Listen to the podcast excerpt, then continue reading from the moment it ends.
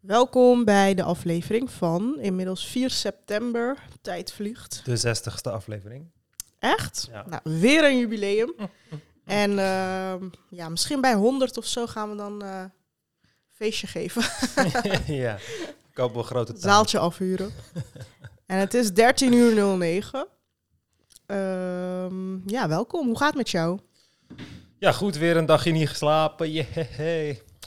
Dus je bent echt eh, nul energie. Hier, ik heb Red Bull voor Nee, je. ik heb eh, altijd wel energie. Het is, het is heel erg ehm, wanneer je... Ik weet niet, je krijgt energieboost wanneer je... Tenminste, ik krijg energieboost wanneer je een dag niet hebt geslapen. En ik merkte ook heel erg... Dus als je sleep deprivation hebt, slaapgebrek hebt... werkt het ook... ehm, dat klinkt heel gek. Werkt het antidepressief, zeg maar. Mhm. Dus het kan je mood echt upliften. En dat had ik vroeger altijd. Echt? Als Ja, je, als je op niet dagen slaapt. dat ik had doorgehaald, Ik zou juist was ik in de het ochtend, op de ochtend was ik zo vol energie klaar om naar school te gaan, helemaal blij. Echt? ja. Ik heb nooit een dag doorgehaald in mijn leven. Gewoon nog, Nog nooit. nooit. Echt? Ja, ik minimaal één keer per week. Zelfs als ik eh, tentamens had en zo. En, en ik hoorde altijd van anderen, ik heb eh, een nachtje doorgehaald en zo. Ik dacht Ja. altijd, waarom kan ik dat niet? Maar het lukte me niet. Ik viel gewoon in slaap. Ik had er geen macht over, zeg maar. Nee, bij mij, eh, ik, kijk, ik krijg gewoon slaap en dan ga ik in bed liggen. Maar dan als ik iets ga doen wat me gaat afleiden, is die slaap gewoon weg. En dan moet ik wachten op de volgende dag. Ik zweer, had ik dat maar. Ja, het is Zo leuk. jij dat maar, weet je hoe kut dat is? Ik heb gewoon een fucking slaapziekte. Oh. is gewoon... Maar volgens mij zijn die mensen ultra productief. Besef, ja, als je gewoon... ja, ja, dat is wel zo. Ik ken mensen die maar vier, vijf uur slaap nodig hebben. En daar gewoon elke dag eh, vroeg kunnen opstaan en zo. Vroege vogel, vier uur, vijf uur zijn ze wakker. Ja. En dan denk ik van, jij hebt gewoon dubbele keren wakkere uren dan ik. Ja, ja, bij mij is het gewoon dat mijn cyclus ehm, wat scheef loopt. Dus ehm, eh, ik loop een paar uur voor op mensen. En dan, dat, dan krijg je elke dag dat je ietsje later wakker wordt. Ietsje later wakker wordt. En dan moet je een dag doorhalen, zodat je jezelf weer kan resetten. En dat doe ik gewoon elke week. Mhm. Al sinds ik leef.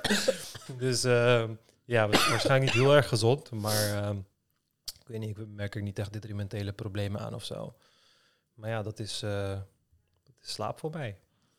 Oké, nou goed om te weten. Hoe gaat het met je wormen in de galerij? Ja, goed. Dus ik heb... ehm, alles is... eh, mensen die de Instagram story hebben gezien, het ziet er allemaal super smooth uit. Dus het, zit, het ligt nu in de galerij. Mensen die het willen eh, bekijken, kunnen het in principe al bekijken. Is, het is eh, What is Happening Here Gallery, reguliers dwarsstraat, W-I-H-H Gallery. Eh, alleen eh, ik ga donderdag om... Ik, ik verzin dit nu ter plekke, hè, want ik heb de dag nog niet... ik ga dus een openingsdag geven. Ja, dan Alleen ik de verkeerde dag. Ja, maar, nee, maar ik heb nog niet besloten welke dag. Dus ik probeer het nu even te, beslissen. Is donderdag een goede dag of is vrijdag een betere dag? Vrijdag heeft iedereen weekend en zin om erop uit te gaan. Dus Ja, dan heb je meer bezoekers, denk ik. Donderdag is gewoon een werkdag. ja oké. nou, vrijdag eh, vanaf eh, 6 uur ehm, eh, ben ik daar gewoon. En dan nodig ik heel veel mensen uit. En dan mag iedereen komen. Entree is gratis. Het is drie, vier verdiepingen of zo. Het is gigantisch. Er is, er is kunst te vinden van artiesten die ook exposeren in grote musea. Ehm, dus ja, heel veel te ontdekken. Dus kom eh, vrijdag, eh, hoeveel eh, september is dat? 9 september om 6 uur naar What is Happening Here Gallery. En dan hoop ik jullie daar te zien. Vrijdag start het NS, dus het wordt zaterdag 10 september van 6 tot 10. Oké, leuk. Ja. Oh, en ik ben, eh, ik ben nu officieel wel kunstenaar. Hoezo? Dus die eigenaar van die galerij, ik was met hem voor de deur een jointje aan het roken, ja. Dus eh, hij zegt tegen mij, je weet dat je nu gewoon kunstenaar bent, toch? ik zei, oh ja, wow, ik ben gewoon... eh, Vraag me eens iets over kunst? nu kunnen we in plaats van wetenschapper, kunnen we ook kunstenaar zijn. ja. Ja, ja, maar ik zag sowieso nooit echt heel veel verschil tussen de twee. Ehm, dus eh, ja, wel leuk. En ehm, ik ben nu, nu een paar dagen af en toe geweest. Want in het begin is het niet zo spannend, want dan hebben ze het nog niet echt gegeten eh, van, dat, van het piepschuim. De tweede dag kon je pas de gangen en zo zien. Dus ik wacht even tot het helemaal ding is. Maar eh, in de tussentijd al die mensen die langskwamen terwijl ik daar was. Iedereen die ik erover vertelde, vond het gewoon super vet. Dus eh, ja, ik denk dat het wel iets leuks kan worden. Ik moet misschien, het is toch komkommertijd, misschien moet de KT5 en eh, dat soort dingen gewoon, is wel leuk op video, weet je. Dat is wel Ja, een leuke ja. nieuwsitem voor komkommertijd. Ze hebben geen nieuws, dus eh ik zal Ja. het maar doen. Ja. Nou, dat dus. Wat heb jij allemaal gedaan? Oké, en we waren samen naar de tuinfeest van Mai, toch?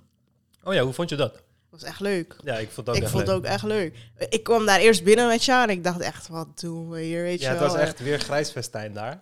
En, ehm, en ehm, ik was er ook weer, ik kom daar in, ik had daarna een huisfeestje, dus ik had gewoon ook een, ja, ik zou sowieso in een fucking trui of t-shirt komen. Ik kom daar in trui. Het is zo formeel. Iemand speelt harp in de gang. Of oké, nee, het was geen harp. Was het een cello? Was een cello of zo, denk ik. Iemand Mhm. speelt cello in de gang. Mensen komen in allemaal nette kleding. Ja, vrouwen in- drinken. Ja, vrouwen in bijna gala eh, kleding. En dan kom ik met een eh, fucking stussy trui en Jordans, weet je. Ja. Dus ehm, ja, het was, eh, ik voelde me eerst, voelde ik me niet echt chill. Dacht ik, oké, ik, ik val op. Maar toen dacht ik van, hé, hey, oké, ik val op. en eh, ja, ik begon eens met die kok te praten. Jongen, ik heb die kok zoveel verteld over genetische modificatie. Ik heb hem stikstofproblemen uitgelegd. En toen vertelde jij tegen mij van, ik dacht het is gewoon een schrijver. Ik, ik merkte al, hij volgde het niet echt. Maar ik dacht het is gewoon een schrijver. En toen zei hij van, oh, dat is gewoon de kok. toen dacht ik, oh. Maar ja, toen het wat eh, laat, eh, later werd, tegen de avond aan, eh, kwamen die jongeren wat meer. En eh, ja, echt met veel mensen kennis gemaakt. Ja, en eh, Mano was heel leuk. Ja, Ja, ik heb ook met heel veel mensen kennis gemaakt. Echt leuk. ja. Ik vond het echt een leuk feestje. Ik ben ook heel laat naar huis gegaan uiteindelijk. ja ik had een ehm, koppeltje, een Marokkaans koppeltje uit België. Die man was schrijver. Oh bij- ja, ik zag je daarmee praten, ja. Ja, die Zij waren echt leuk. Ja, ze waren echt leuk. Hmm. We gingen over economie en zo praten. Zij deed haar PhD in eh, economie volgens mij. En ehm, ja, ze waren echt leuk. Ja, ik zag je daar heel lang mee praten, ja. Ja. Luisteren ze ook de podcast, denk je? Nee, ja? Nee, waarschijnlijk niet. Waarschijnlijk Ja. niet. Uiteindelijk eh, heel weinig luisteraars tegengekomen. Alleen eh, de, de vrouw Ja. van Mai, die zei... "Hey, jouw stem ken ik van de auto. ik hoor je elke week in de auto. ik hoor je altijd rente in de auto. Mijn vakantie verpest. ik wil gewoon muziek luisteren, moet ik jouw kutstem aanhoren. dat je helemaal tekeer gaat op Cherry Baudet. Baudet. Ja.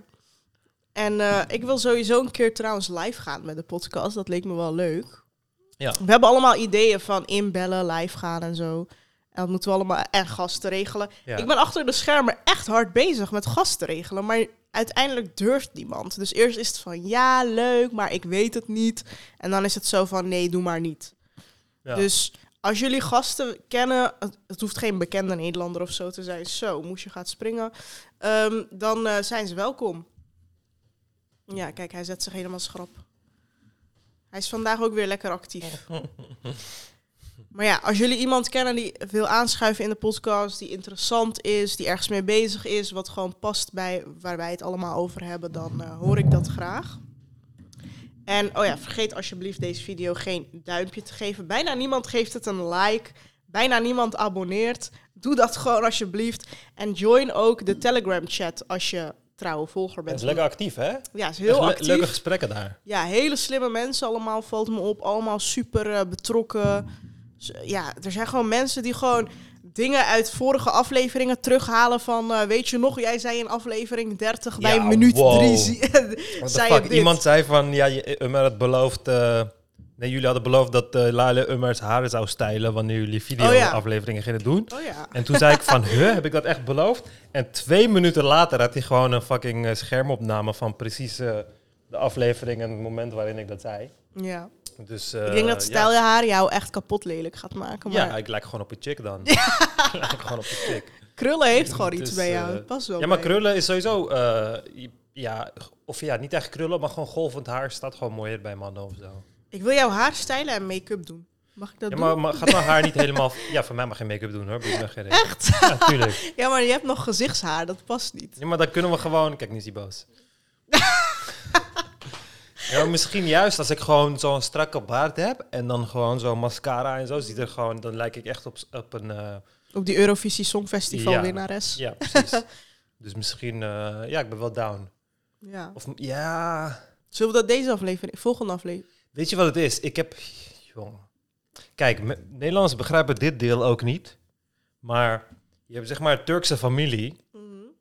die zeg maar geen Nederlands spreekt. Mhm. En dus ze kennen al heel veel shit ook niet. Ze begrijpen heel veel shit ook niet. Mhm. Dus het is allemaal gebaseerd op zicht. Dus als je dan mij opeens in make-up en zo gaat zien, dan gaan ze echt denken, wat de fuck is gebeurd met deze jongen? Dan gaan ze allemaal het theorieën erbij bedenken. of zo? Ja. Wat gebeurt er allemaal? En ik heb dat echt heel vaak meegemaakt. Dat ik gewoon memes deel die gewoon... Ja, ik weet niet, misschien zit er een beetje naaktheid in of whatever. En dan berichten vanuit Turkije komen van... Wat gebeurt er met Umber allemaal? Wat doet hij allemaal? Wat de fuck is dit? Ze begrijpen het gewoon niet. ja. Dus aan de ene kant wil ik echt wel complete scheid hebben. Maar aan de andere kant denk ik van... Ja, ga ik naar Turkije en dan sta ik bekend als... eh, de crossdresser of zo, weet je, in Turkije. Spreek jij je familie dan nog? Nee, maar, eh, maar, maar toch, eh, weet je, ik weet het niet. Het is gewoon raar als ze denken. Nou, Ja, misschien fuck it, laat het gewoon doen. Laat het gewoon doen. we kunnen het zo meteen doen in het, eh, in het tweede gedeelte. Haal ik eh, mijn stijltang en make-up. Ja, maar hoe zit dat dan? Want ik heb allemaal producten in mijn haar, maar kun je je haar stijlen als er product in zit? Eeuw, niet, hè? nee, want dan wordt het van dat Ja, maar dan moet ik, dus dan moet ik met niks in mijn haar naar hier komen. Ja. Ja, maar dan heb ik echt zo'n Dan heb je zeg maar van dat fluffy stijle haar. Maar nu wordt het gewoon een soort van... Denk je dat mijn haar fluffy is als ik er niks in doe? Het wordt gewoon... Ja, of ik moet het heel langzaam laten drogen. Het probleem is gewoon, je moet het heel langzaam Kijk laten op die drogen. druif eh, bijna gaat hij poepen. Anders... eh oh ja, dit is echt een goede manier om salmonella te krijgen. Echt? Salmonella? Nee. Ja, eigenlijk wel. Kun je vragen, dit is salmonella krijgen, maar eh Moesje is gewoon... Hé Moesje, kijk, stop het gewoon in zijn kontje zo. Kijk, Eet het gewoon. Lekker man, over die druiven klimmen. Hij is vandaag echt actief man. Had je Hij nog problemen stout. met? Heeft hij je nog eh, opengekrapt vandaag? Nee, ik zat dus naast een vluchteling in de trein. en hij- Naast een vluchteling, kan je dat van zijn voorhoofd lezen of zo? Nee, ik ging met hem praten, dus ik Oh. wist dat hij een vluchteling was. Hij, wilde naast me, hij zag, hij zag Moesje al op het station en toen eh, vroeg hij of hij naast me mocht zitten. Ging hij zitten en toen zat ik gewoon te wachten van... Vraag nou maar of je een foto kan maken. ik weet dat je het wilt vragen, maar hij zat echt met die telefoon in zijn hand zo... Ja, wachten tot hij het kon vragen. En uiteindelijk vroeg hij het en toen eh, ging, ging hij een foto maken. Maar Moesje wilde de hele tijd weglopen en richting zijn kant dus eigenlijk. Mm. Dus die hele treinreis lang heb ik Moesje moeten tegenhouden. En voor hem voelde het alsof Moesje hem wilde aanvallen en ik zijn leven red of zo. maar hij was de hele tijd op die guy aan het springen. Maar eh, ja, verder was hij wel rustig. Is er een bepaalde geur of zo waar hij zich tot aangetrokken voelt? Ehm, Ik heb bijvoorbeeld als ik, eh. Als een kat bijvoorbeeld krols is of zo en ik ben dan ongesteld of iemand anders, dan gaat hij de hele tijd tegen je been aan neuken, zeg maar. Oh, echt? Ja, been- tegen je been aanrijden. Maar dat doen ze ook bij mij. Dat is zo, echt? Ja, ik Dus dat heeft niks met ongesteld te maken. de hele tijd. Of hun gezicht op mijn gezicht wrijven. Zo. Doen ze de hele Krolse katten. Maar dat zijn dan vrouwelijke katten. Bij mij waren het mannelijke. Oh ja, ik weet niet. Die van mij waren. Zijn, ik heb één vrouwelijke, één mannelijke. Maar die vrouwelijke is dus heel erg zo. Die gaat hun gezicht. Maar ze hebben ook dus eh, klieren op hun gezicht. Pheromoonklieren op hun gezicht.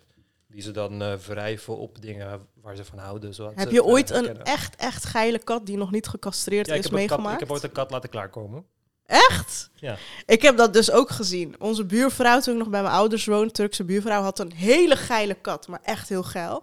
En tijdens lente of zo was hij eh, extra krols. En dan was er een teddybeer bijvoorbeeld, ging hij de hele tijd die teddybeer neuken en dan gewoon klaarkomen en zo. Oh nee, ik heb een vrouwelijke kat laten klaarkomen. Of ja, ik weet niet of Oh. het klaarkomen was, maar ze Ja. hield wel op met... eh, ja, kijk, eh, in, in Turkije, in Ankara, was ik toenmalige vriendin thuis. Eh, woonde ik daar, gewoon met haar samen een paar weken. En zij had een klein katje die net dus loops was geworden. En ehm, die begon... Loops? De dat zo? Ja, ik weet het volgens mij wel, ik weet het niet. Maar eh, ze, ze had gewoon zin in dik, zeg maar. Ze wilde gewoon lul. Ze wilde gewoon lul. En eh, die begon dus thuis de hele tijd te huilen. En ja, ja, ik ga hem gewoon laten.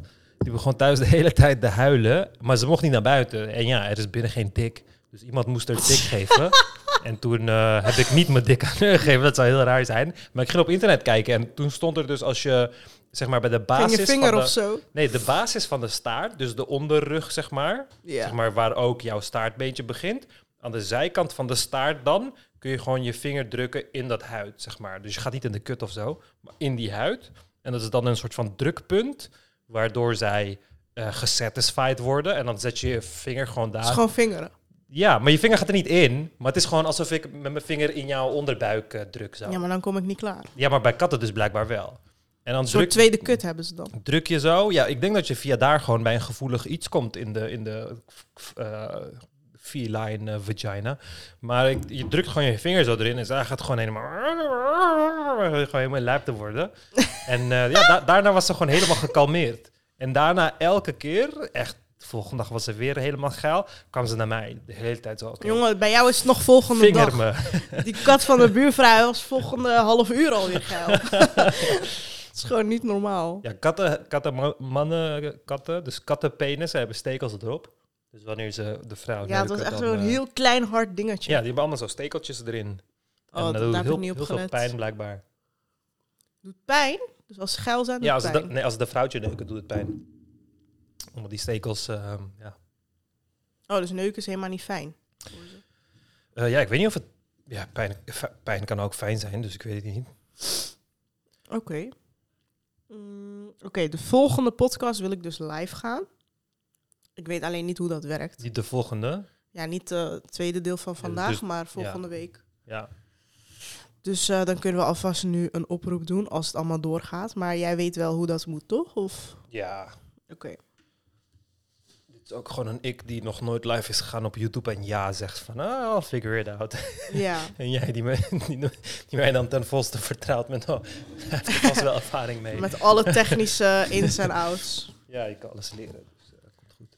Ja, ik heb weer wat nieuws verzameld hoor. Waar we het over kunnen hebben. maar jij hebt voor vandaag een cursus voorbereid. Oh ja. Uurtje geleden. Ja, een paar uur geleden heb ik hem snel gemaakt. Ik, ik herinnerde me er nog van dat ik hem moest maken. Maar gaan we die doen of gaan we... We kunnen gewoon hiermee beginnen. Dan hebben we dat alvast gehad. Want ik heb hier al een paar keer de vraag naar gekregen. Oké. Eh, vast niet eh, voor iedereen boeiend. Maar dit gaat over... Ja, als moslim hoor je gewoon heel vaak dat er wetenschappelijke wonderen besloten zitten in de Koran. Ja. En dat wordt ook gebruikt om andere mensen te bekeren en zo. En sterker nog, ik kreeg vroeger altijd filmpjes doorgestuurd van wetenschappers, meestal blanke mannen van boven de 60, Ja. die dan bijvoorbeeld zeggen van het is echt een wonder. In de Koran staat eh, dit en dit over embryo, terwijl het eh, Ja. pas eh, duizend jaar daarna bekend is geworden in de wetenschap of zo. Mhm. En door dat soort filmpjes werd ik ook heel erg verward, weet je wel. Ik dacht van, oh, Ja. hè, maar dan, z- dan, dan zijn mensen echt dom dat ze niet moslim zijn of zo, weet je wel. ja. De wetenschap onderdrukt het. Het kwam gewoon heel overtuigend over. Vooral omdat het blanke mannen zijn, Amerikaanse meestal, die, eh, die dat zeggen. Ja. En ehm, ja, toen zei jij op een dag tegen mij van ja, het is allemaal onzin. Maar ik weet eigenlijk zelf ook niet waarom het allemaal onzin is. Maar Ja. dat Nou, neem ik best van het, je eh, aan. Daar gaan we het vandaag over hebben. Ja, Nou, eh, ik heb weer een PowerPoint-presentatie voor jullie. Het is echt leuk. Ik, ik ben weer helemaal terug in de PowerPoints maken en presenteren voor de klas. Misschien moeten mensen me nog een cijfer geven. Zo. ja en dan zo muziekjes en eh, ja. leuke flashbeelden die zo vliegen. Dat vond ik altijd vroeger echt leuk. Leerlingen die er echt tijd en werk Ja. in stopten. Maar dan om, eh, vooral in die opmaken dan, in plaats van Ja, eh, in de inhoud. Maar dan zag je gewoon zo van, van links naar rechts zag je iets Ja. vliegen en zo. Ik vond het echt leuk. En ik had altijd zo'n fucking professionele nerdy podcast. Of eh, podcast, PowerPoint. Ja. Ja, je had altijd die word art, die standaard titels, weet je, die dan 3D waren. Ja, ja. echt onze tijd. Maar ja, oké, mijn eh, PowerPoint presentatie. Eh, deze PowerPoint gaat over scientific miracles in de Koran en waarom ze bullshit zijn. Ehm, ik, kan, ik kon uit heel veel dingen kiezen, maar ik heb het een beetje in chronologische volgorde geprobeerd te doen. Dus allereerst, eh, de eerste ding waar eh, mensen tekenen van vinden in de Koran is de Big Bang. Van de Big Bang was al bekend in de Koran. Namelijk dat eh, de, het hele universum ooit één was, zeg maar. Het was eh, één klein punt waar alle materie van het universum in zat. En dat heeft zich toen uitgezet tot het hele universum. Dat is wat de Big Bang is. En in de Koran staat er dus op 2130... Do the disbelievers not realize that the heavens and earth were once one mass? Then we split them apart. And we created from water every living thing. Will they not then believe? Het probleem hier is, het klinkt wel van ja, de heavens en earth waren één. Alleen het probleem hiervan is dat dit helemaal niks met de Big Bang te maken heeft. De, het universum en de aarde kunnen nooit één zijn geweest. En de aarde is vele malen nieuwer dan het universum. Het universum is 14 miljard jaar oud. De aarde is volgens mij 4 miljard jaar oud. Dus je zit eh, zo'n eh, ja, 9 miljard jaren zit ertussen. Dus die waren nooit samen. Maar dit wordt dus gedraaid naar, kijk, het was ooit allemaal één. En toen heeft God, heeft de Big Bang uit elkaar gesplit. Zoals dat hier staat, zeg maar. Maar het is dus gewoon de confirmation bias. Want het heeft niks met de, niks met, eh, de Big Bang te maken. Ik zie wel een eh, soort, eh, hoe noem je dat, tegenstrijdigheid in deze vers. Want ik heb op de moskee altijd geleerd dat mensen van aarde zijn gemaakt. Ja. En hier staat, we create from water every living thing. ja, want er staat in, er in meerdere, op die ga ik ook komen. Op meer, in meerdere versen staat water, maar ook klei of aarde. Maar even kijken. Eh, dit, dit stukje van dat de the heavens and the earth were once one mass and then we split them apart.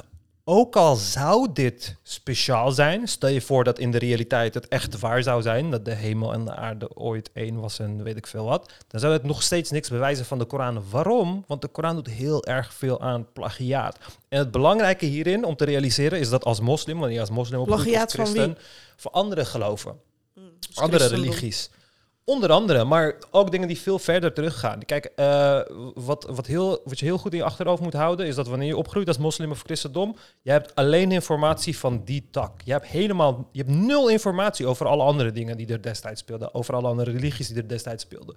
Weet je, we weten een beetje over christendom en de jodendom, over alle andere religies weten we bijna niks. Terwijl in die tijd, weet je, bestonden er niet miljarden moslims. Je had een handjevol moslims en voor de rest miljoenen andere volkeren die ieder een andere soort reli- religie eh beoefenden. En dat zien we dan ook terug in eh, de Sumerian Song of the Ho. Ho als in eh, schoffel, niet de hoer. Het is niet de hoerenlied. Dus, Goeie eh, tweede, disclaimer. 2000 eh, BC, dus dat is 4000 jaar oud.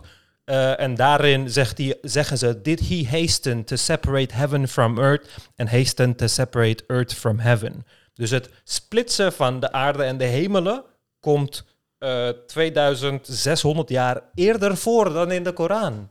Op een kleitablet. Op een fucking Sumeriaanse kleitablet in spijkerschrift. Maar dat is niet alles. Het komt ook voor in het Enuma Elish. Daarin staat: When the heavens had been separated from the earth.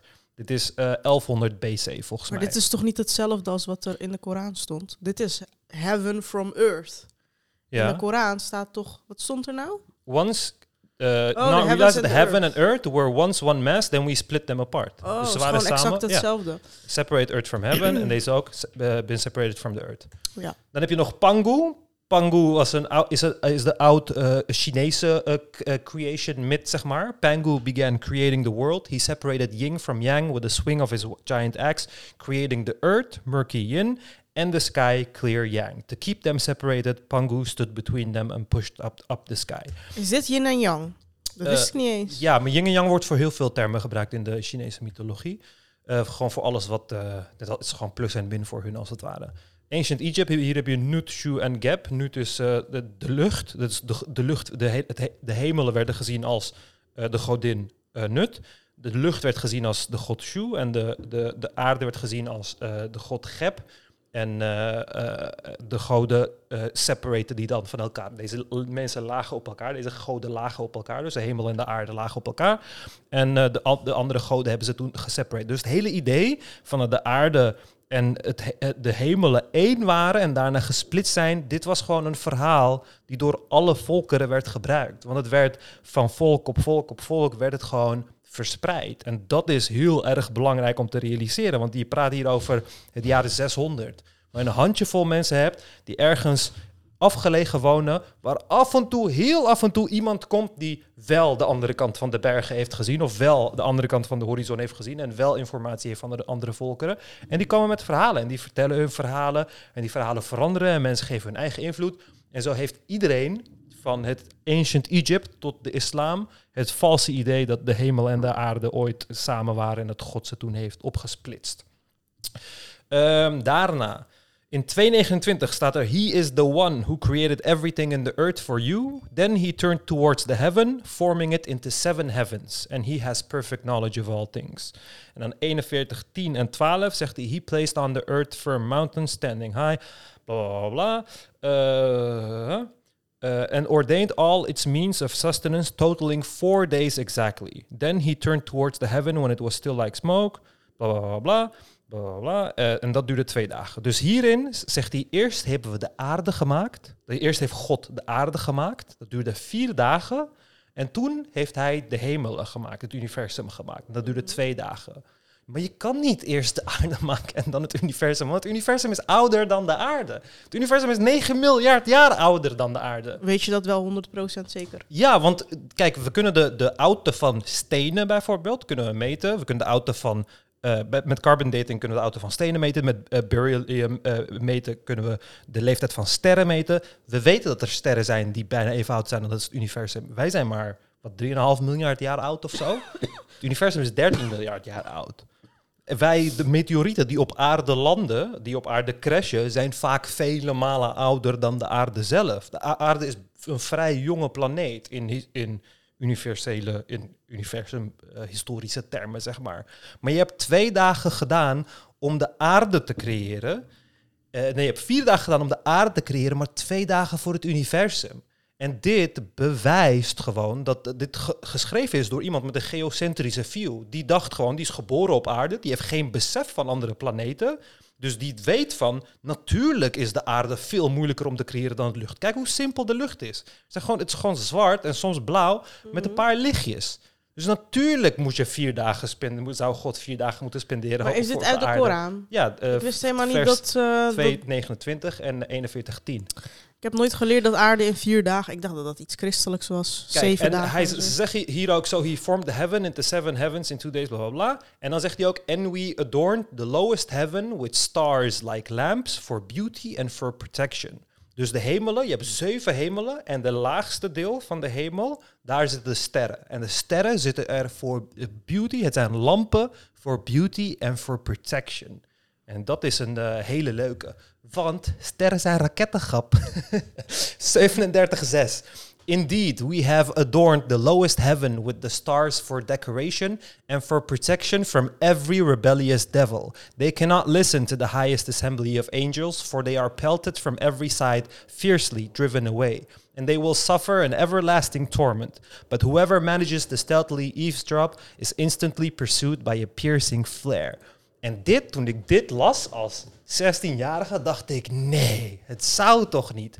Hierin staat, in de laagste hemelen hebben we lampen neergezet, sterren, voor decoratie en voor bescherming.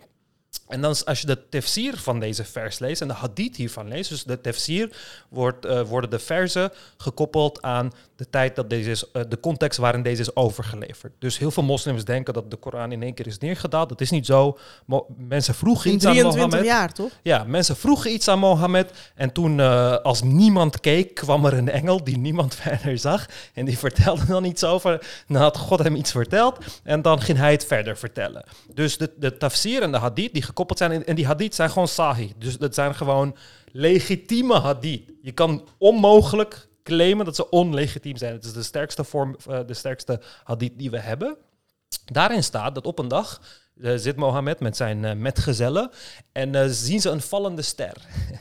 en ze vragen van, eh, nee, Mohammed vraagt aan hen van, hey, voor de tijd van de islam, hè, wat, wat werd er gedacht over deze vallende sterren? En zeiden van, ja, een vallende ster betekent meestal dat er een, een, een, een grote man is geboren of is gestorven. Een belangrijk persoon is geboren of is gestorven. En Mohammed zegt van, nee, dat is niet zo. Zeg, kijk, je hebt de zeven hemelen en helemaal bovenaan heb je God. En God bespreekt zijn plannen met de engelen. En eh, dat, dat, die, de, zijn boodschap gaat van de zevende hemel naar de zesde hemel gaat naar beneden. En dan heb je de jeans. En de jeans gaan op elkaar schouders staan, oké? En dan vormen ze een hele lange toren. En dan gaan ze God afluisteren, terwijl hij dingen zegt naar de engelen. Dit is gewoon een echte hadith. gaat hij, gaat hij, gaan de jeans God afluisteren. En wanneer je een vallende ster ziet, is dat dus God die een van de sterren heeft gegooid op die jeans om ze eh, weg te jagen, om ze, om ze te vermoorden, zodat ze niet kunnen afluisteren. Oké? En dat staat er hier ook. Van de eh, eh, protection from, weet je, de the, the lowest heaven with stars for protection. En wanneer ze proberen af te luisteren, dan worden ze achtervolgd door een piercing flare, zeg maar. Alleen het gekke hieraan is dat vallende sterren zijn geen sterren. Sterren zijn net als de zon, zijn gigantisch, ze zijn fucking ver. Ze zijn in een ander sterrenstelsel. Vallende sterren noemen we vallende sterren, maar het is gewoon een klein steentje die opbrandt in de atmosfeer. die is vele malen dichtbijer dan de ster. Maar omdat Mohammed helemaal niet speciaal was en geen speciale info van God had, had en net zoals alle mensen op aarde destijds het verschil tussen een ster en een vallende ster niet wist, dacht hij dat een en dezelfde was. Dus toen verzon hij dat ze als raketten gebruikt werden om eh, de jeans te, te, te, ja, weg te jagen. Ik vind het ware. sowieso een raar verhaal dat je mag afluisteren bij de Almachtige God. Ik, ik vind het sowieso een raar verhaal dat je op elkaars schouders gaat staan. Want naar waar ga je? We weten wat daarboven is. Er is geen godgrap. Ja, nee, oké. maar ervan uitgaan. Like, nou, hoe ver wil je gaan? De aarde draait, hè? Like, je gaat niet één richting op. De aarde draait, grap. ervan. Maar kijk, nee, maar daarom, maar ze, ze wisten dat dus niet. En dat bewijst het allemaal ook, dat er helemaal niks speciaals aan is. Voor al die mensen, ze dachten gewoon, God is daarboven. Wij hebben dat nu gemoderniseerd. Moslims willen- kunnen best claimen met het geloof verandert niet en weet ik wat. Ik ga straks ook laten zien waarom het heel veel verandert. Maar we hebben het gemoderniseerd en we vergeten die dingen. Oké, leven uit water. Dus hij had daar dus ergens gezegd leven uit water. Dit vinden moslims heel speciaal. 24:45. And Allah has created from water every living creature. 21:30. And we created from wa- water every living thing. Will they, then, will they not then believe? Ze laten dit allemaal zien. Van wauw, kijk. Hoe zou God dit wetenschap weet nu pas zoeken? Water op Mars om leven te vinden, bla bla bla. Ehm, Thales van Miletus in eh, eh, 600 eh, voor Christus eh, zei hij: Water is the nature of all things. Dat is 1200 jaar voor Mohammed, voor God, zeg maar. Sorry. Ehm, Anaximander, 600 BC, zei: Life started from water and earth and emerged from the sea. Hij had letterlijk bedacht, voordat de wetenschap bestond, had hij al bedacht dat het leven uit water komt en dat het leven waarschijnlijk is gestart door fish-like creatures in the sea. Oké? En, maar het, het, het mooie hieraan is, deze mensen wisten het ver voor Mohammed. En het is niet eens zo speciaal om te roepen dat het leven uit water komt. Want iedereen, de simpelste ziel, wist vroeger dat er ergens geen water is, vooral in de woestijn, er geen leven is. En als er water is, en dus een oase of whatever, er dan leven is. Of dat als je water eventjes een paar weken buiten laat, dat er, dat er leven in ontstaat. Dus mensen wisten dat. Je kon dat gewoon zien. Je had daar geen God voor nodig. Dus het bewijst ook helemaal niks. Vooral gezien mensen het eh, voor hen al wisten. Nou, dan komen we bij embryologie. 2312. And indeed we created humankind from an extract of clay, then placed each human as a sperm drop in a secure place. Then we developed the drop into a clinging clot of blood, then developed the clot into a lump of flesh, then developed the lump into bones, then clothed the bones with flesh, then we brought it into being as a new creation. So blessed is Allah, the best of, best of creators. Nou, hier had je het dus over. Embryologie wordt heel vaak aangehaald. Mhm. Maar dit is ook allemaal bullshit. Want kijk, hier heb ik een hele lijst van mensen die veel meer wisten over embryologie voor Mohammed ook maar zijn bek opentrok. Sushruta, the father of surgery, Indian surgeon, 6th century BCE. Hij is de author van de Sus, kut, Susruta, Ru- Susruta Samhita. Ehm, eh, die heeft embryologie uitge- uitgelegd. Hippocrates in 460 BC heeft eh, embryologie uitgelegd. Aristoteles heeft een boek geschreven over embryologie, letterlijk 4e eeuw voor Christus. Sharaka heeft hetzelfde gedaan. Galen heeft hetzelfde gedaan. En Galen is dus de meest recente voor de Koran.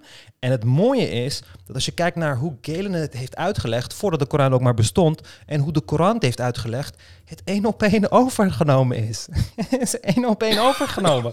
Nee, de Koran zegt, then we made the drop, uh, the, the drop of blood clot. Galen Waarom zegt, zie ik dan allemaal video's met wetenschappers die zeggen, doen alsof ze het voor het Ja, eerst... maar daar ga, ik, daar ga ik ook op komen zo. Die video's moet je hierin invoegen. Ik ga Ja. je sturen. Ja. Eh, dus ze hebben gewoon eh eh, Galen overgenomen. Dus gewoon exact wat er dus gebeurde. Die verhalen gingen gewoon rond. Hè? Mohammed, het was, er, waren heel veel, er was heel veel handel. Er waren heel veel karavanen die van her en der kwamen. Dus er gingen heel veel verhalen rond. En die neem je dan gewoon over. En de helft van deze dingen heeft hij sowieso overgenomen van het christendom en de Torah en zo. Maar, ehm, oh ja, en dit wil ik dan ook laten zien. Dus die embryologie claim... Dus hier heb je een, een eh, moslim die dan met een, eh, dit is een bioloog, hij is P.Z. Myers heet hij. Eh, daarmee wil hij discussiëren over de embryologie claim. Dus laten we luisteren. The bones come first and then the flesh and the muscles? Is that what the Quran specifically says? Absolutely. This is exactly what the Quran says. Then, Chapter, then chapter done 23. Because you just demonstrated the Quran is wrong. Yeah, but How? Myers. Because How that's, is it that's, what hap- that's not what happens in the Well, this is what the embryologists are telling us. The This is exactly no, what the not. embryologist is telling No, us. they're not. I mean, okay. Embryologists- let me tell you what Keith Moore said. I mean, you can disagree with him. He doesn't like Keith Moore. I, I oh. don't know why, you don't. What he said on the page number 364A of his book, The Human Embryo, that in the seventh week the bones are formed, and immediately after that the flesh is formed, and the flesh, the, the bones are clothed with flesh. Well, Keith Moore is wrong. He's an He's wrong. embryologist. This is this is his field. It's my field too. I know he's wrong. You're, you're an embryo- embryologist. that that yes. Oh, great! Wow, wow, that's news to me. Okay. So that's uh, that that's wrong because what happens first is Dit is dus een moslim die het aan een christen vraagt of zo? Nee, dit is geen christen. Dit is een wetenschapper. Oh, kut, nu is die Oh. Dit is een wetenschapper, eh, eh, embryoloog. Dus dat, dat zegt hij ook net. En hij, hij- die guy zegt net van... Kijk, in de Koran staat eerst worden de botten gevormd en dan het, de- dan het vlees. Mhm. En hij zegt, en deze Amerikaanse embryoloog heeft dat ook bevestigd. Maar hij is ook embryoloog en hij zegt dat het bullshit is. Oh, kut. Dus ene bevestigt het, andere vindt Ja, het maar ik ga daar ook op komen zo. Okay. You're, you're an embryo- embryologist. that that yes. Oh, great! Wow, wow, that's news to me. Okay. Oh, dat so that's uh, that, that's wrong because what happens first is you have you have differentiation of mesoderm. Right. That within the mesoderm you have segregation into things like embryonic mesenchyme, and then you have these cartilaginous centers that will form bone. Right. And these are forming simultaneously with each other. Right. Simultaneously.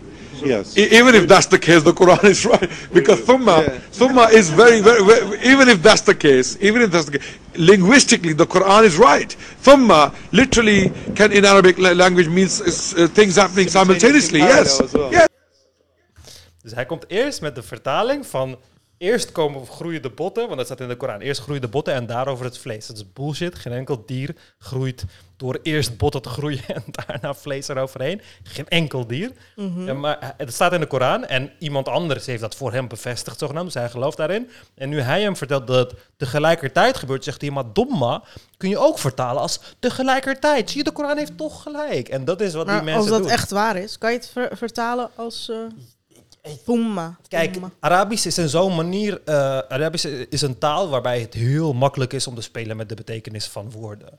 Alleen je schiet jezelf dan in de voet, want welke is het? Dus jij kan zelf kiezen welke het is. Al deze jaren, honderden jaren lang, hebben alle moslims eh, gedacht van eerst de botten en nu het vlees. Maar nu de wetenschappers laten zien dat het niet zo is, ga je de vertaling veranderen om het wel kloppend te maken. Weet je? Dus dat is gewoon ehm, niet de manier waarop het hoort. Dus eh, even kijken, oké. Maar is dat het enige foute eraan? Aan die hele vers? Want er wordt wel meer dingen beweerd. Wat dan? Eh, even kijken. Er, er stond toch ook van... eh, ja, oké, die klampen, flash en zo, dat is dus niks. Ja, dit klopt allemaal. Maar kijk, de reden Ja. waarom... Kijk, eigenlijk zelfs als, die als deze informatie, die vorige informatie niet aanwezig was, zou je dit nog steeds kunnen weten. Want mensen hadden gewoon miskramen vroeger. Je hebt gewoon een miskraam. Dus je ziet alle stages van de embryo. Dus het is ook vrij dom dat erin staat dat er eerst botten groeien en daarna vlees. Want dat had je ook kunnen zien. Waar is ja. Mushu? Eh, oh, ik had hem... eh, volgens mij had ik hem neergezet ergens. Waar? Ik zie hem niet meer. Als hij maar niet wegloopt of zo. Of onder de bank misschien. Hij, dat is echt zijn favoriete plek, plekje, onder mijn eh, vieze bank, Ja, waar het lekker stoffig is. Oké, nou, sperma. 86, 5, naar 5 tot 7. Zeg, Let people then consider what they were created from. They were created from a spurting fluid, stemming from between the backbone and the rib cage. Dus mensen zijn gecreëerd van een vloeistof die vanuit je, tussen, van tussen je ruggengraat en Je ruggengraat borstkas, en en je borstkas. vandaan komt. En je ribbenkast vandaan komt. Maar daar zit je pik niet. Ja, je ballen, weet je. De, je, je sperma komt uit je ballen. En iedereen wist dit destijds. Want we gingen gewoon mensen castreren. En we wisten dat ze daarna geen baby's konden krijgen. Dus het feit dat hij schrijft dat sperma tussen de ruggraat en de borstkas komt. Er is daar niks.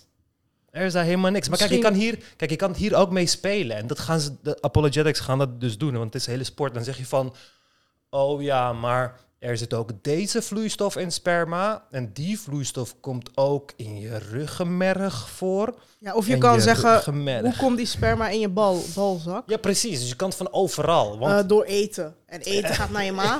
Ja. Weet je? Ja. Ja, maar daarom, dus dat wordt er gedaan. Terwijl de Koran op meerdere plekken zegt dat het duidelijk is. Dat het duidelijk is. Op meerdere plekken zegt de Koran, we zijn duidelijk. Je hebt geen niet eens uitleg nodig, zogenaamd. Mhm.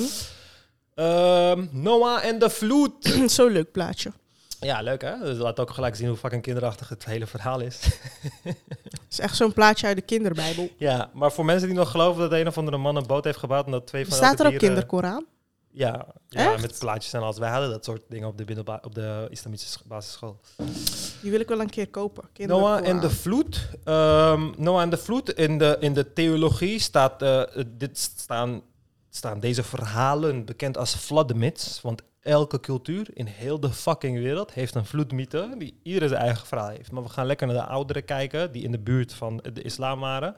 Dus je hebt het epoch van Gilgamesh, de Epic of Gilgamesh. En dat is dan Gilgamesh, is dan eh, de hero in this story. En dan gaat hij Utnapishtim ontmoeten. Utnapishtim vertelt hem dat er een, eh, een regen gaat, dat er veel gaat regenen. Er gaat een, eh, weet ik veel wat, er gaat eh, vloed komen. Dus hij moet een boot bouwen. Hij moet twee van elk die erop zetten. Ehm, het, de epic van, het epoch van Atrahasis, dat is ook Babylonisch. Dat is ook 2000 jaar ouder dan de Koran. Hetzelfde verhaal, held. Eh, iemand vertelt dat er een vloed komt. Hij moet een boot bouwen. Twee van elke dier. En het zijn, deze verhalen hebben dan verder niks met de islam te maken. Je hebt 800 goden in deze verhalen. Totaal andere. eh, de, de, de opmaak is totaal anders. Maar de kern van een vloed is aanwezig. Ziusudra, zelfde verhaal. Held. Vertelt, vertelt dat er een vloed komt, bouwt de boot, niemand neemt het serieus, twee van elke dier, hij overleeft het, bla bla. Manu, dit is van het hindoeïsme, er komt een vloed, Vishnu verandert in een vis, die vertelt aan een of andere guy hij een boot moet bouwen, hij bouwt de boot, hij redt de, de, de zeven heilige mannen of weet ik veel wat allemaal. Hier heb je geen dieren. En die vloedmythes, kijk, eh, het is ook een stukje uit een paper. The flood myth motive occurs in many cultures, as seen in the Mesopotamian flood stories, the Genesis flood narrative, Nuh in Islam, Manvantara Sanja in Hinduism, the Ganyu in Chinese mythology, Deucalion in Pyrrha in Greek mythology, Bergelmir in Norse mythology, the arrival of the first inhabitants of Ireland with uh, Cheshire in Irish mythology. Het gaat door en door en door en door. Alle, bijna alle volkeren hebben een vloedmythe. En dat komt puur vanwege het feit dat mensen vroeger dingen, eh, vloed, eh, vloed, eh, vloeden, is dat? Hoe, wat is meervoud van een vloed? Meer vloed? Eh, dat, dat mensen stormvloeden, ja, dat er meerdere, dat er, Jezus fucking Christus, dat mensen gewoon een kuttijd hebben gehad omdat er heel veel water was, oké? En eh, dat was gewoon heel erg traumatisch voor die mensen, want uiteindelijk eh, eh, gaan hele dorpen weg en weet ik veel wat. Dus die verhalen worden op generatie op generatie gewoon doorverteld. En daarna wordt er mythologie aan toegevoegd. En dan wordt het gelijk iets magisch. En dan zet je jouw god erin of een andere god erin en whatever. Dus die dingen had je overal. Maar als moslim weet je alleen van, oh ja, Noah, eh, boot. En eh, in de Bijbel staat het ook. Dus het moet wel waar zijn. Maar het feit dat alle andere volkeren om je heen exact hetzelfde fucking verhaal hadden, dat het net zo ongeloofwaardig is, weet je niet. En het is omdat het allemaal van elkaar overgenomen is. We zijn gewoon verhalen mensen die gewoon eh, verhalen rond vertellen. Ehm, zon draait om de aarde. In eh, twee. Kijk, heel veel mensen weten dus niet, maar in de Koran gaat gaan mensen gewoon uit van een platte aarde. En dat ook de zon om de aarde draait, in plaats van dat de aarde om de zon draait. Eh 2, 258, he said, I give life and cause that. Abraham said, indeed, Allah brings up the sun from the east, so bring it up from the west, so the disbeliever was overwhelmed. So dit is een verhaal waarin eh, God dus de zon uit het westen laat opkomen in plaats van het oosten om een ongelovige te doen, ehm, laten zien dat, het, eh, dat God echt is of whatever. Dus de zon komt opeens van de andere kant op. Dat, dat kan, als de zon om de aarde zou draaien, is dat makkelijk. Dan hoef je de zon alleen de andere kant op te draaien. Maar dat is niet wat er gebeurt. In de echte wereld, als je dat zou willen veroorzaken, zou je de spin van de aarde, de rotatie van de aarde, zou dan de andere kant op moeten draaien. En als dat zou gebeuren, zou letterlijk alle, alles op aarde zou de andere kant op vliegen. Omdat je het zou stoppen en dan de andere kant op zou draaien. Dus ze gaan hier uit van een, een zon die zelf beweegt. 2133 ook. En het is he who created the night and the day and the sun and the moon. All in an orbit are swimming. Dus de zon en de maan zijn in een orbit. Dat is niet waar. De maan draait om ons heen, maar wij draaien om de zon. De zon draait niet om ons heen. 3640. The sun is never to catch up with the moon. The night and the day never deviate. Each of them is floating in its own orbit. They don't. De zon heeft geen orbit. De zon gaat niet om de aarde heen. Maar mensen zouden denken van, oh, dit is bullshit. Alles wat je zegt is bullshit. Dit is nooit zo geweest. Moslims geloven dit niet. Moslims geloven dit echt super sterk. Dus ga naar een stukje kijken. Het is een hele bekende sheik. Ik ben zijn fucking naam kwijt. Al, eh, al Rat of zo. Ik weet niet hoe hij heet. Het is die guy die blind is. Die zo met zijn ogen dingest. Oh Hij ja, zegt- hij zegt dus- ik, ja. Ja, hij, is, hij was dus ooit de groot mufti van Saudi-Arabië geweest. Hij zegt dus, hij citeert hier uit de Koran. Hij citeert dat stukje uit de Koran. En dan zegt hij, dus een gelovige moet geloven wat de Koran zegt. Eh, en hij moet, thinking deeply, en hij moet dus eh, niet te veel nadenken over deze kwestie. De, de, de vers uit de Koran is heel erg duidelijk eh, over de, de, de beweging van de zon. En de zon die dus ook gaat naar zijn rustplek. Want in de Koran staat dus ook dat de zon rust in een modderige poel. en Tulkarnee heeft die dus ooit bezocht en weet ik veel wat. Dus eh, deze man zegt, dus, dus je, je moet geloof hebben in de Koran en geloven dat de, dat de zon om de aarde eh, draait. Hij is niet de enige. Deze, eh, we gaan niet alles kijken, maar hij is niet de enige. Deze guy zegt het. Deze guy zegt Zijn het. ze allemaal blind? Nee, maar het zijn allemaal grote namen. Dus, ehm, maar oké, dus die guy, deze eerste guy, hij was de groot mufti van Saudi-Arabië. Dat is heel erg belangrijk, want dan ben je een soort van de geestelijke leider van het land, oké? En in 1966 schreef deze man een soort van fatwa, waarin hij dus commandeerde dat iedereen die gelooft dat de aarde niet eh, plat is, en dat de, eh, dat de zon niet om de aarde draait, dus iedereen die gelooft in de realiteit, dat die vermoord moet worden, omdat het tegen God... Vermoord? Ja, Jezus. 1966. Toen was Saudi eh stukjes, stukjes erger. Maar eh, dat had hij geschreven. En het ding is, in 1966 wisten heel veel mensen dat de aarde niet plat is. En dat de zon daadwerkelijk om de aarde, dat de, eh, dat de aarde om de zon draait. Dus ehm, eh, wat er dus gebeurde is, kijk, hij werd vereerd in Saudi-Arabië. Maar toen hij dat, dat ging publiceren, zijn werk ging publiceren waarin hij dat aanhaalde, gingen alle andere eh, Arabische landen gingen met hem, eh, gingen hem ridiculiseren. En ze hadden het over de Saudiërs die weer zo primitief zijn en die eens weten de aarde echt rond is en weet ik veel wat. En toen moest hij door de Saudi-prins destijds, moest hij ermee stoppen. En zijn alle kopieën van dat werk toen eh, eh, gewoon verwijderd, eh, gewoon teniet gedaan als het. En, eh, maar hij hield vol en hij heeft er heel vaak voor gevochten.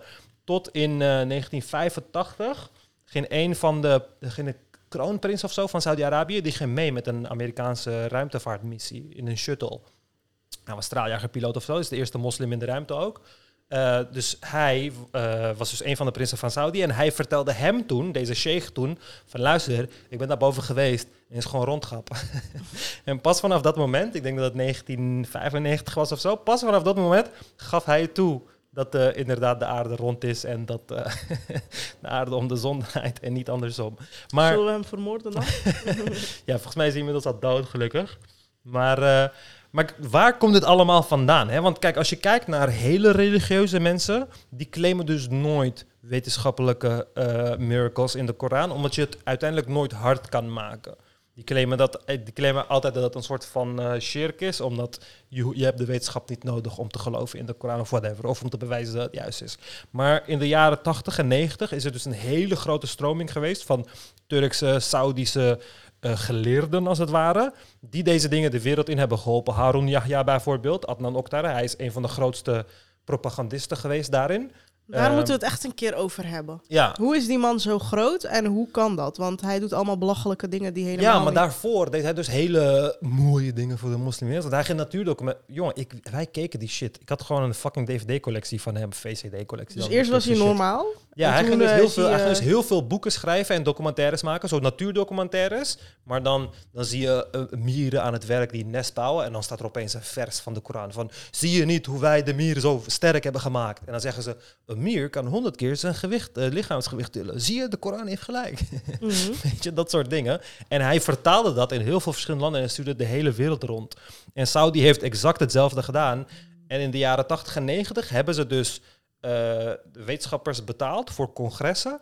En in die congressen, kijk, deze, het zijn witte Amerikanen die niks over de Koran weten. Letterlijk niks, weet niet wat de fuck erin staat.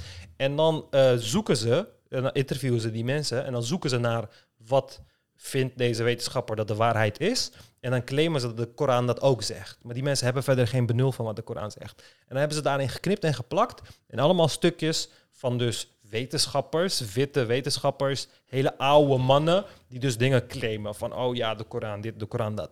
Al die mensen, één voor één, als ze nog leven, als je ze zou mailen, één van hun, ik ben de naam even kwijt, die heeft zelfs een automatische reply op zijn e-mail. Die gewoon onder elke e-mail zet van het is niet waar, die video is geknipt en weet ik veel wat allemaal. Maar dat is gewoon wat ze hebben gedaan. Ze hebben gecherrypicked. En omdat ze zo wanhopig zijn voor approval vanuit het Westen, van zo'n slimme wetenschapper die ze eigenlijk dom vinden, maar eigenlijk wel weten dat hij slim is, zijn ze, ze echt naastig op zoek naar die approval. En daarvoor zijn ze best bereid om te knippen en plakken. En die dingen zijn jarenlang verspreid op het internet. En, uh, Maar hoe kan het dat hij met... ehm, Oké, voor de mensen die hem niet kennen, hij zit dan met 30 vrouwen die eruit zien als echt letterlijk hoeren, gewoon met allemaal ja. ja, neptieten, het is een cult. neplippen. Het is uiteindelijk een cult En, eh, geworden. En dan zegt hij tegen ze allemaal van ja, hoe gaat het met jou vandaag? En, eh, vandaag? En dan zegt hij ja, goed, eh, mashallah en zo. En Ja. waar slaat het op? Dat is helemaal niet islamitisch. Ja. ja, maar daarom is het gewoon een sekscult geworden. Uiteindelijk gaat het altijd die kant op. Maar zijn er echt volgelingen van hem? Ja, er zijn heel veel volgelingen. Vroeger, hij was gewoon vereerd. Hij werd, ja, Harun Yahya, hij heette vroeger, tenminste dat is zijn pseudoniem, Harun Yahya. En hij staat bekend in alle Amerikaanse universiteiten, omdat hij zijn boeken enorm veel heeft gepusht. De hele, het hele veld heeft een naam. eh, wetenschappelijke connectie zoeken in, eh, in de islam. Ik ben de naam even kwijt. Maar het hele veld is opgezet door de Saudiërs en eh, Turken.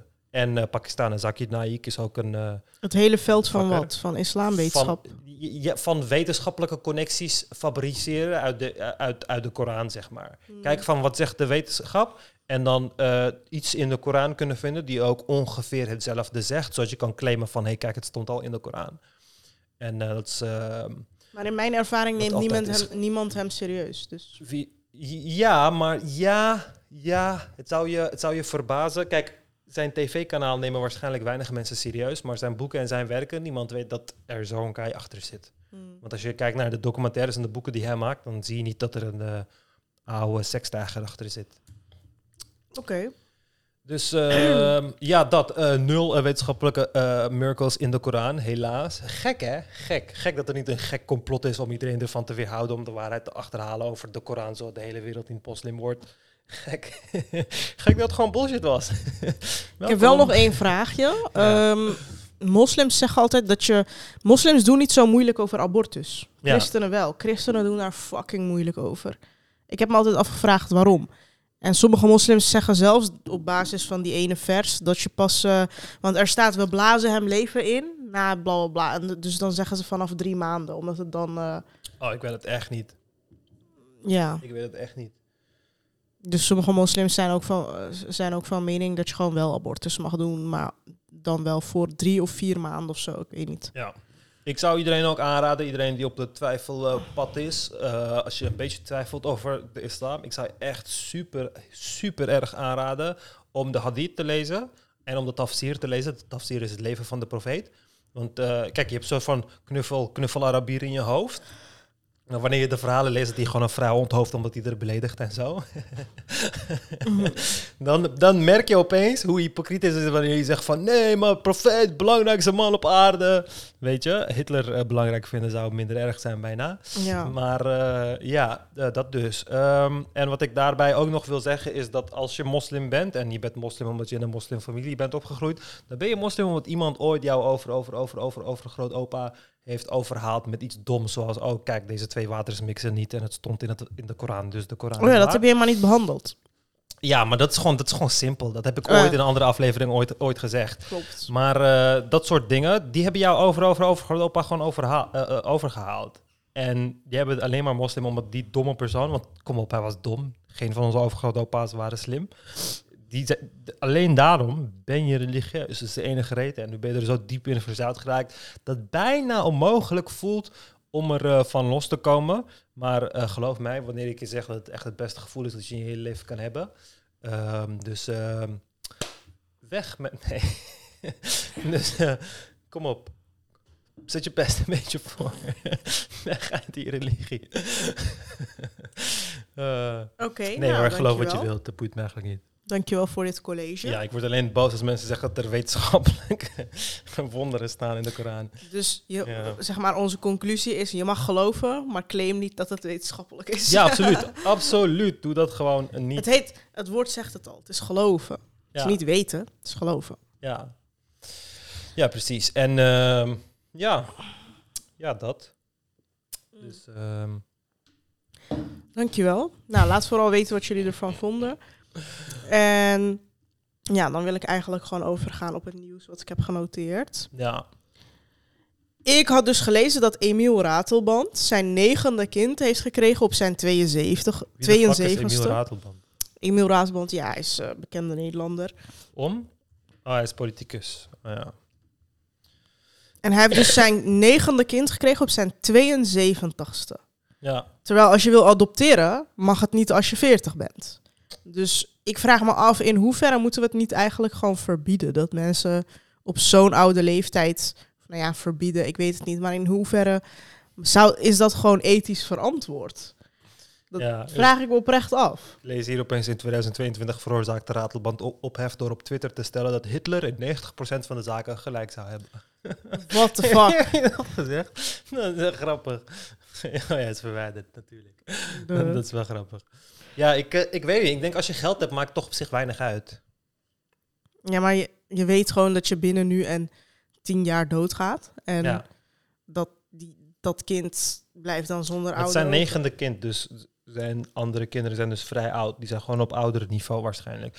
Ja, ik weet het niet. Ik vind sowieso dat je een... eh, Maar dan mag je, moet je het ook kunnen adopteren. Weet je hoe moeilijk ze doen over adopteren? Hè? Heel veel mensen die willen adopteren uit het buitenland en zo zeggen tegen mij van het is echt bijna onmogelijk. Er is zoveel procedures, zoveel bureaucratie. Ja, ja, ik kan me voorstellen. Ja, ik, ehm, ik vind sowieso dat er eh, met kinderen maken ook... Ja, maar je kan het natuurlijk niet handhaven, maar er mogen wel wat strengere regels komen qua het eh, verwekken van kinderen en dat soort dingen. Maar ik weet alleen niet eh, hoe je dat precies... Ja, het is altijd een hele moeilijke ethische discussie. Ja. Ik had ook eh, een keer, eh, was ik, ik was zo lid van zo'n debatcentrum op de middelbare school. En dan moesten we debatteren over als je heel laag IQ hebt, mag je dan kinderen krijgen. Want er zijn ook mensen die zeg maar niet de luiers en zo verschonen vervolgens van zo'n kind. Maar ze maken Ja. wel constant kinderen, Ja. die dan weer overgenomen worden door de kinderbescherming. Voor de tiende keer of zo. Dat Ja. heeft die Barbie ook, die Samantha, Ste- eh, hoe heet ze nou? Samantha Steenwijk? Ik weet het niet. ja, ik zou gewoon zeg maar een virus creëren die iedereen op de wereld steriliseert.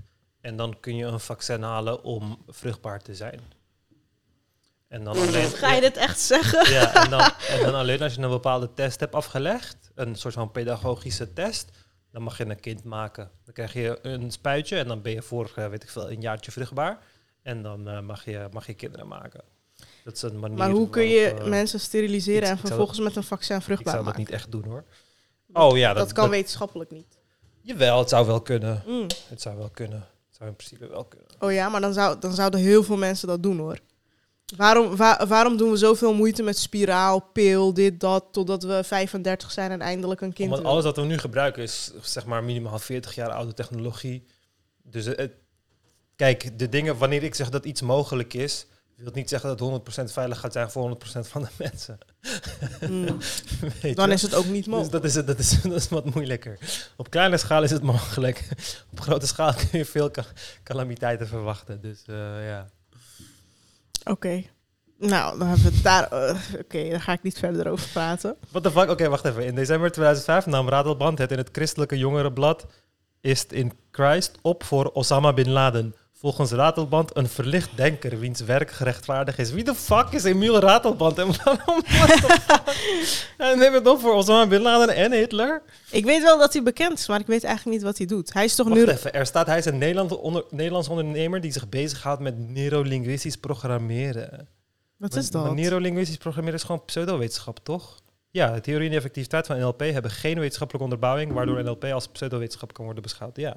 Wat is neurolinguistisch? Neurolinguistisch programmeren is het idee dat je door op een bepaalde manier te praten mensen kan programmeren om eh, dingen te doen of te denken of whatever. Dus als jij, eh weet ik veel, salarisverhoging wilt krijgen, eh, dat soort dingen, dat jij dan op zo'n manier moet praten of whatever. Maar het is nergens op gebaseerd. Hmm. Het is... eh, En daar is hij dus bekend mee. Ja, en NLP is echt een red flag. Wanneer iemand het heeft in zijn bio of zo, dan weet je dat het iemand is die weinig, die bijna niks kan, dus dan maar iets, een bullshit onderwerp heeft gekozen om eh, die. eh, want het, het klinkt ook. Dat is het mooie van zo- zo'n pseudo-wetenschappelijke dingen. Meestal klinkt het slim. Neurolinguistisch programmeren. Grap, je praat gewoon. Noem het gewoon praten. Hij heeft zijn eigen partij begonnen, Lijst Ratelband. Eh, En hij was ook een keer eh, in de media, misschien staat dat er, dat hij geslacht wou veranderen of zo. Of dat hij. eh, nee, nee, hij had. Ik weet niet, hij had zo'n gekke rechtszaak. Nee, hij wou niet geslacht veranderen, hij wou leeftijd veranderen op zijn paspoort. Oh ja, het was, ja, het was, maar het was gewoon satire toch? Omdat hij zei van ja, ik voel me 30 of zo. Ja, maar nee, het was niet satire, want hij ging echt naar hoger gerechtsho- Oh gerechtshof ja, en dat staat er inderdaad. Het was niet satire. Ja, Maar dat was echt, eh, toen, toen gingen heel veel mensen van, zeg maar, anti-trans, weet je wel. Die gingen zeggen van, kijk, dat mag ook niet, weet je wel. Dus hoezo mag geslacht wel als je iets voelt, maar leeftijd niet. ja, Dus het leverde wel heel veel discussie op in die tijd. ja. Ja, waarom mag dat niet? Vertel het eens. Ehm, omdat er geen, ehm, er bestaat niet echt een spectrum qua leeftijd. Je bent gewoon, de, het gewoon, staat gewoon vast, zeg maar. Kijk, elke, Maar dat zeggen die anti-trans mensen ook over eh, geslacht. Ja, maar dat ja, kijk. Eh, gaan we dit even zo mooi laten zien. Nou, je hebt hier vrouwen en hier heb je mannen. En dan heb je hier tussen alles, alle tussendingetjes. En dat heb je niet bij 13 en 14-jarigen. Er bestaat geen hele tussen. Oké, je kan 13 en een half zijn. Ja, maar je kan toch gewoon... eh, kijk, alles wat ertussen staat is een gevoel. Is niet feitelijk zo. Je hebt uiteindelijk of een Nee, kut of een pik. geen, nee, deze dingen zijn geen gevoel. Dit is Turner syndrome, XX testicular disorder, sex development, congenital, congenital Oh, dit is gewoon feitelijk. Ja, mixed gonadal dysgenesis, androgen insensitivity syndrome hebben superveel vrouwen. Klinefelter syndroom, 5-alpha reductase deficiency. Dit zijn allemaal eh, eh, dingen die ervoor zorgen dat, er een spectrum is in eh seksen. Mhm. Eh, en in leeftijd heb je dat niet. Leeftijd staat gewoon vast ja. staat gewoon vast. En tuurlijk, voor heel veel mensen staat geslacht ook vast. Het is ook zo. We zeggen ook niet dat het voor niemand vaststaat. Voor gros van de mensen staat jouw geslacht vast. Maar voor iedereen staat zijn leeftijd vast. Tenzij je in een of andere tussen twee dimensies terecht bent gekomen door een of andere wormgat of zo. maar voor, voor de rest staat dat, eh, staat het voor, de, eh, voor iedereen staat leeftijd gewoon vast. Ik bedoel, daar heb je niet echt een spectrum in. En dezelfde discussie was toen ook over nationaliteit. Want eh, ze Oh, zeiden kijk, van... dat kan. Dat, wat dat wat kan als jij je goed. Canadees voelt? Mag Ja, maar kijk, kijk je, je moet het niet, je moet het niet. Kijk, niemand zegt voor om te trollen dat ze zich vrouw voelen en laten zich vrouw maken. Mhm. Maar dat van, oh, ik voel me Canadees, dat is hetzelfde als die domme rechtse, echt wat de rechtse mensen al fucking 15 jaar herhalen van, oh, ik voel me een attack helicopter of zo. Ik identificeer me als een attack helicopter. Of weet ik veel wat allemaal. Het is gewoon, in, in de realiteit ga je niet denken van, oh, ik voel me Canadees. Maar je kan wel denken van, hey, kijk, ik ben Turks. Mhm. Ik noem mezelf Nederlander. Waarom? Ja. Want ik voel me deels Nederlander. Ik heb nul Nederlands DNA. Nul Nederlands DNA, maar ik heb gewoon een Nederlands paspoort, toch? Mhm. Dus die, die shit bestaat al. Het bestaat al. Maar het feit dat het bestaat, betekent niet dat, dat, dat je ook in een wereld gaat leven waarbij iemand dan zegt van ja, ik voel me nu Chinees, dus ik ben nu Chinees. En nu ben ik Japans en nu ben ik Japans. Als iemand, als een of andere vrouw zou zeggen, nu ben ik man. En volgende dag zou zeggen, nu ben ik eh, meisje, nu ben ik jongen en nu ben ik weet ik veel wat. Dan ja, klopt daar ook iets niet. Maar in de realiteit kiezen mensen gewoon één ding. Niet om te trollen, niet om grappig te doen, maar gewoon omdat ze het menen. Maar ik had laatst een lezing in Meppel. En toen vertelde een docent mij dat ze studenten hadden die... eh, nee, tenminste één student die elke dag een ander geslacht aannam. Dus het kon zijn nou, dat dat hij die ene maand ja. vrouw voelde en die andere maand weer man en Ja, zo. nou, dat is dus iemand die, die wat meer eh, last heeft van gender dysphoria. Kan prima. Maar daarom, dat haar die case eh, eh, toepassen alsof alle mensen zo zijn, is gewoon heel raar. Mm. Dat is gewoon heel raar. Maar in de realiteit is dat niet zo. In de realiteit maken mensen een keuze en hebben ze daarna geen spijt van. Dat is wat de data zegt. Tuurlijk, we kunnen letten op die kleine per- percentages, maar ja, dat zegt verder niks. Ja. Maar had je ook die ene docu gezien die ik heb gezien... dat mensen zich een meubelstuk voelen en zo? Een meubelstuk. Ja. ik zweer het je. Er was zo'n docu. Ik heb, ik heb eentje gezien over... eh, Ik ga je sturen. Ik heb eentje zo'n- gezien over diaperplay. Van oudere mensen die dan doen alsof ze baby zijn. En zo'n luier. En dan gaan ze Ja, dat soort dingen. Maar ik zag ook gewoon een vrouw die zegt... ik voel me gewoon een bureaulamp. Dus ze ging de hele dag zo... die hele docu lang zijn, ging ze gewoon zo doen. er zijn psychologische ziektes die dat, eh, die dat mogelijk zouden kunnen maken. Maar het zou ook nep kunnen zijn. Mensen doen alles om op tv te komen. Maar er zijn wel heel veel psychologische ziektes die... ehm Ja. Bijvoorbeeld Graves disease zorgt ervoor dat je denkt dat je dood bent. Ehm, en dat je lichaam aan het rotten is en dat soort dingen. Ja. Het is ook gewoon... Kijk, ik lach er wel om. Maar om dat nou te vergelijken met mensen die twijfelen over hun geslacht... is echt flauw. Ja, maar dat is wel wat er Dat wordt is- gedaan uit- uiteindelijk. Ik had dan gewoon een fucking dom, flauw voorbeeld wordt er naar voren geschoven zo. En dan is dat het hele ding. Dan is het van, oh, je kan van geslacht veranderen. Oké, dan ben ik nu een wortel. Weet Ja. je, het is gewoon dom. Maar dat zeggen dus al die rechtse mensen... terwijl het echt nergens op slaat. Ja, Ik lach gewoon om die docu, maar ik neem geslachtsverandering kei serieus. Toevallig een van mijn eh, hele goede vrienden op dit moment is een Turkse jongen die eh, ja, daarmee worstelt, zeg maar. Gaat hij een geslachtverandering doen? Nee, hij gaat het niet doen. Maar hij worst, hij, Ook geen het, is, het is feitelijk, zeg maar, geconstateerd. Maar eh, hij wil het niet. Door de psycholoog. Ja, door, Dus hij heeft gewoon gender dysphoria. ja, ja. Het is gewoon feitelijk geconstateerd, maar hij gaat het nooit doen, zegt hij. Ja. En daar worstelt hij heel erg mee. En eh, ja, Ja, maar daarom. maar Het is, ook, het is, kijk, in mijn optiek... maar ik weet, volgens mij mocht ik dit niet vertellen van hem. Ja, maar je is toch geen naam of zo? Nee, klopt. Maar hij is zo bang daarvoor dat. Ja, In mijn optiek ehm, ehm, moet, je, moet je er alleen mee doorgaan als je 100% zeker weet. Want het terugweg is een beetje moeilijk. Eh, tenminste, ik heb het over ehm, operaties. Hormoontherapie is wat, ja, eh, Ja. staat de terugweg altijd. Alleen operatie moet je wel echt zeker weten. En ehm, ja, kijk, als je al volwassen bent, dan heeft het ook geen zin om eh, nog te haasten met van alles. Want kijk, als hij dat had geweten toen hij 11 was of 10 was, dan kon hij nog veel, ehm, kon hij met veel meer wegkomen, zeg maar. Maar wanneer je eenmaal in je volwassen jaren zit, dan is dat wat lastiger natuurlijk. Mm, Je hebt al die baardgroei en weet ik veel wat, eh Adamsappel. Ja. Dus eh, ja. En daarom is het dus belangrijk dat zo jong, zo jong mogelijk die hulp aangeboden wordt. Maar nee, dat is eng. Dat is eng. Wanneer ze oud zijn is het probleem, wanneer ze jong zijn is het probleem, is altijd het probleem. Ja, precies. Heb je de nieuwe Balenciaga schoenen gezien?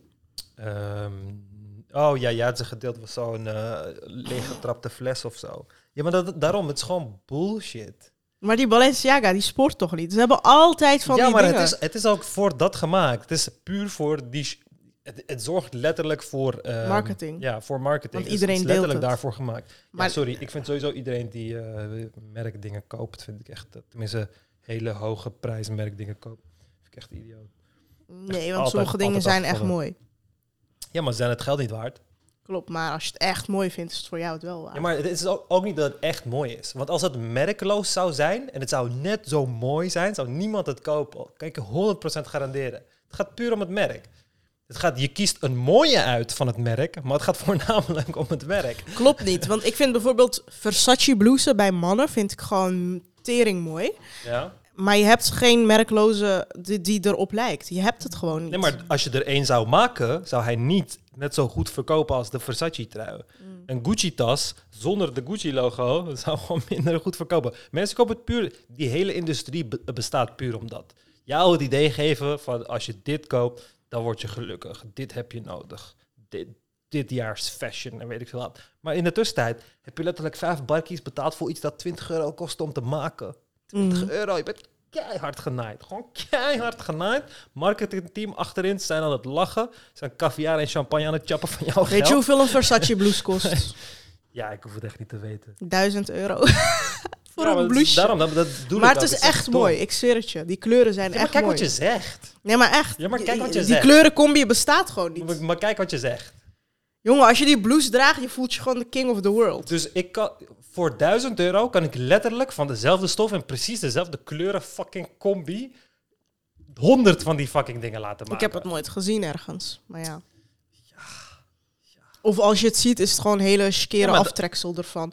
Eh, in Turkije of zo, dan glanst het niet zo mooi, weet je wel. Ja, kwaliteit is- voel je gewoon verschil. Ja, maar dat is echt allemaal bullshit. Want kijk, je kan, kijk, je kan een blouse, kun je, als je zeg maar de kwaliteit van een blouse verbetert, dan kom je uiteindelijk tot een limiet. Laten we zeggen, na 50 euro die je hebt eh, gestopt in het produceren van die blouse, kan de kwaliteit niet beter. Er bestaat geen beter fucking katoen of whatever in de, in de wereld. Dus Ja. de rest is puur daar Merk. gezet voor winst. Klopt. Dat Puur wel. daar gezet voor winst. En uiteindelijk zijn die bedrijven, die dus die high luxury dingen eh vonden, is het gewoon de grootste, ehm, hoe heet dat? Hoe heet dat? Gewoon dat shit niet nuttig is. De grootste, het is gewoon, Oplichters? ja, het is niet oplichters. Het is gewoon, het is een industrie die nergens voor benodigd is. Het is letterlijk nul toegevoegde waarde. Het is een industrie die bestaat uit het psychologisch eh, manipuleren van mensen om hen te doen geloven dat zij die dingen nodig hebben. Mhm. Hè? Le- Letterlijk, de meest bekende mensen in onze wereld zijn niks anders dan marketing agents voor luxe producten. Dat is, Mhm. de enige, dat is hun enige functie van influencers en whatever. Mhm. En puur om jou over te halen dat jij datgene nodig hebt om gelukkig te worden. Ja. Jongen, de hoeveelheid meisjes die ik heb ontmoet die hun geluk in dat soort dingen zochten en toen ze het eenmaal kregen, niet gelukkig werden. Daar zijn van, ik zei het toch? Ja. Maar er zijn ook mensen die er fucking gelukkig van worden. En ja, eh, prima. Weet je, ik bedoel, dat, dat is ook zo. Hoe meer geld jij weggooit, des te gelukkiger jij wordt. als jij twee exact dezelfde parfums hebt, als, als ik voor eentje, als jij voor, voor de een 1000 euro betaalt, dan voel je je beter dan wanneer je Mhm. er 10 euro voor betaalt. Weet je, het voelt gewoon goed om in je kontje genaaid te worden door, eh, door kapitalisme. Nee, maar parfum is toch... ehm, ik ken geen goedkope parfum die lang blijft hangen en die elke fucking lekker is. in de hele wereld, elke parfum in de hele wereld, is het flesje duurder dan de parfum zelf. Om te produceren. Klopt. Ja. Maar je vindt alsnog geen goedkope parfum die net zo Maar dat is kwalitatief dus is. niet waar, want het is puur psychologisch. Puur psychologisch. Dus als ik parfum waarom? vond... Wat, wat, wat zou mensen tegenhouden als het zo goedkoop is om te produceren? Wat zou mensen tegenhouden? Om namaak te maken. Nee, niet om namaak te maken, om kwalitatief goedkoop parfum te, te, te produceren. Ik ben het nog nooit tegengekomen. Ja, maar Je hebt in dat- Turkije al die maar- ja, maar, parfumwinkels. ja, maar, ja, maar dat is toch allemaal neppe parfum? Ja. Je vergelijkt nu fucking Italiaanse modemerken met fucking Cappello Archie in Nee, maar ik snap de vraag even Dat- niet. Mijn, Ja, maar- mijn stelling is juist dat parfum die goed werkt altijd duur is. Ja, maar hoe Zoals kom je... Ja, maar hoe kom je op die conclusie? Waarop is dat gebaseerd? Ehm, omdat ik meestal als ik een ehm, zogenaamd een goedkope parfum die in een eh, ja, hoeveel goedkope parfums heb je in je leven getest? drie of vier, ja. En hoeveel dure parfums heb je getest? heel veel. Ja, maar na- na- je hebt veel geld uitgegeven voor iets. Dus je Mhm. moet het perfect Mhm. vinden. Anders voel je je opgelicht. Maar wij willen opgelicht worden zonder dat we ons opgelicht voelen. Dus we willen nooit toegeven aan het feit van... Oh, je parfum gaat eigenlijk net zo snel weg. Want er zit geen magische ding in. Het is nog steeds alcohol met, met de olie. Weet je, Mm. met de geurolie erin. Er is verder geen magische dingen. Die, die, die blouse van 1000 euro... Er zit geen nanotechnologie in de stiksels of zo. Het is niet gemaakt met de tranen van de witte neushoorn of zo. Het is gewoon nog steeds katoen. Ja. Die tas is nog steeds leer. En die extra prijs, die is, het, is- het is gewoon lijp. Want in de normale wereld pikt niemand dat. Niemand pikt dat. Mm. Wil je deze druif kopen voor 5000 euro? Maar waarom? 5000 euro. ja, maar waarom? Het gaat je zo goed laten voelen. Ja. Kijk deze druif. Heb je ooit zo'n unieke druif gezien? Hij heeft zelfs hier een rotte plek. Oké. Ja, maar begrijp je hoe raar het is? Kijk, als al die dingen met de handgemaakte en weet ik veel wat, handgemaakte ambacht, begrijp ik allemaal. Ik vind ook dat dat een grens moet hebben natuurlijk. Maar al deze industrieën worden uiteindelijk gewoon gebruikt om eh, geld te verdienen aan niks. Het is een totaal nutteloze industrie die niks anders doet dan gewoon de, de fucking lelijke, misselijkmakende kanten van het kapitalisme te laten zien. Gewoon mensen die fucking duizend euro aan een fucking... Waarom vind je het zo lekker om in je kont genaaid te worden? Dat begrijp ik niet. Duizend euro voor een fucking shirt. Ik was fucking 19. 19 toen ik voor echt een paar duizend euro kleding had besteld, omdat ik heel veel geld had verdiend. En toen besefte ik, echt een jaar later besefte ik van... Wat doe jij? Waar ben je mee bezig, jongen? Waar de fuck ben je mee bezig? Voor wat? Ik vraag me altijd af of ik iets mooi vind, omdat het Omdat iedereen het mooi vindt. Ik, ik weet niet, ik kan het Het is, het is maken. altijd dat. Het is Echt? altijd dat. Ja, want het was, ik, oh, ik, ik heb geld verdiend. Oh, waar ga ik shoppen? Oh, fresh cotton. Oh ja, want het is super hip. Oh, even in de lookbook kijken. Wat dragen ze mensen Maar als ik bijvoorbeeld een? Burberry jas eh, zie, dan ben ik gewoon verliefd. Dan denk ik gewoon van, dit is gewoon wat ik moet hebben Ja, maar daarom, leven. als exact dezelfde jas als er geen Burberry op stond en hij stond in de fucking Vibra, is er niks. Is er niks. Ja, maar in de Vibra voelt het niet hetzelfde. Ja, maar daarom. Dus je betaalt niet. Dus je betaalt. Nee, het is niet om de kwaliteit. Want je betaalt eigenlijk niet om de kwaliteit. Het is niet dat we allemaal experts zijn die perfect zijn in het beoordelen van de kwaliteit van parfums en leer en stof. Weet al die shit niet. Je hoeft een t-shirt. Kijk, als je Mm. Ja, maar je stof. kan toch voelen, zien. eh, ja, kijk, als je stof voor kleding koopt, dan heeft dat een bepaald gewicht per vierkante meter. Eh, en de gewicht daarvan bepaalt. Dus als je kijkt naar bijvoorbeeld Daily Paper t-shirts, die voelen wat dikker en Ja. zwaarder aan. Ja, exact. Maar je hebt dus een limiet. Want je, je, je kiest de dikste stof, voelt het meest kwalitatiefst aan. En dan kost die shirt, shirtje maximaal 20, 30 euro om te produceren. Dus zodra je die voor 5000 euro verkoopt, dan is de rest, zeg je gewoon van hier, pak meer geld van mij voor gratis. Hier, Mhm. hier alsjeblieft. Terwijl een ander merk die niet eh, high luxury is, exact dezelfde kwaliteit stof, dezelfde zwaarte per vierkante meter, hetzelfde gevoel voor een normaal winstmarge verkoopt. En dan heb je opeens een t-shirt van 100 euro. Nog steeds duur, maar veel minder zonde van het geld dan een t-shirt van 1000 euro, die je alleen maar hebt gekocht omdat die 1000 euro is. We weten het allemaal. We weten het allemaal. Zijn maar gekocht omdat die 1000 euro is. Want het is niet eens mooi. En die mensen kunnen gewoon letterlijk klaarkomen op een fucking hamster en er 1000 euro op plakken en mensen zouden het kopen. Mensen Ja. zouden het gewoon fucking kopen. Maar het geldt niet voor alles, want die Zeynep, die inmiddels een vriendin van me is, trouwens, jullie moeten haar echt volgen. Shout-out naar Zeynep Da. Dat schrijf je als. Z-E-Y-N-E-P spatie dag, D-A-G. Zij is schoenenontwerpster eh, uit Eindhoven, eh, Turkse vrouw. En zij maakt gewoon schoenen voor Rihanna, Beyoncé, Jennifer Lopez, et cetera. Ze is gewoon echt Ik maak ook wereldwijd. schoenen voor en zo. Alleen ze draagt ze nooit. ja, bij haar wordt ze ook gedragen. En ehm, zij, ver- zij heeft dus gewoon eh, winkels in het Dubai en weet ik veel wat. Eh, ze gaat ook heel vaak naar Qatar en naar Parijs en weet ik veel wat. Echt mooie landen. En dan zijn er gewoon van die teringrijke Arabieren die gewoon haar schoenen kopen omdat er Swarovski-steentjes op zitten Ja. of zo, weet je wel. En dat kost natuurlijk allemaal... Diamantenwereld, dat is ook echt lijpe oplichting. Oh ja, ja, dat zei je inderdaad. Ja. Maar is het in die, in die geval van die schoenen niet inderdaad meer waard als er bijvoorbeeld echte... Swarovski is niks waard. Oh, En ook kleine diamantjes, dus hele kleine diamantjes, zijn ook echt niks waard. Het kost een euro per stuk of zo. Alleen eh, dan gooi je heel veel kleine diamanten op een ring en dan lijkt die speciaal. Maar dan, dat kost letterlijk niks. Wanneer je die, die ring vervolgens wilt verkopen bij een diamantair, dan gaat hij er precies 3 euro voor geven. En dan eh, besef je hoe hard je genaaid bent. Dus ik werkte heel lang bij eh, de, de beurs van de, de diamantbeurs in Amsterdam. En daar kregen dus altijd de rijke vrouwen die net gescheiden zijn. Die kwamen met een ring die 40.000 kost. Dan kwamen ze erachter dat die in ruwe materialen maar 2000 euro waard is. Hè, hoe kan dat dan? Omdat je betaalt gewoon voor merk. Want het is gewoon goud en diamant. En die hebben allebei een prijs. Weet je, wat 50 euro de gram of Dus diamant is gewoon niks waard. Nee, het is wel wat waard. Maar wat jij eh, bij de juwelier betaalt, betaal jij voornamelijk voor het merk dan voor eh, de grondstoffen. Net zoals je dat bij. Maar bij goud niet, toch?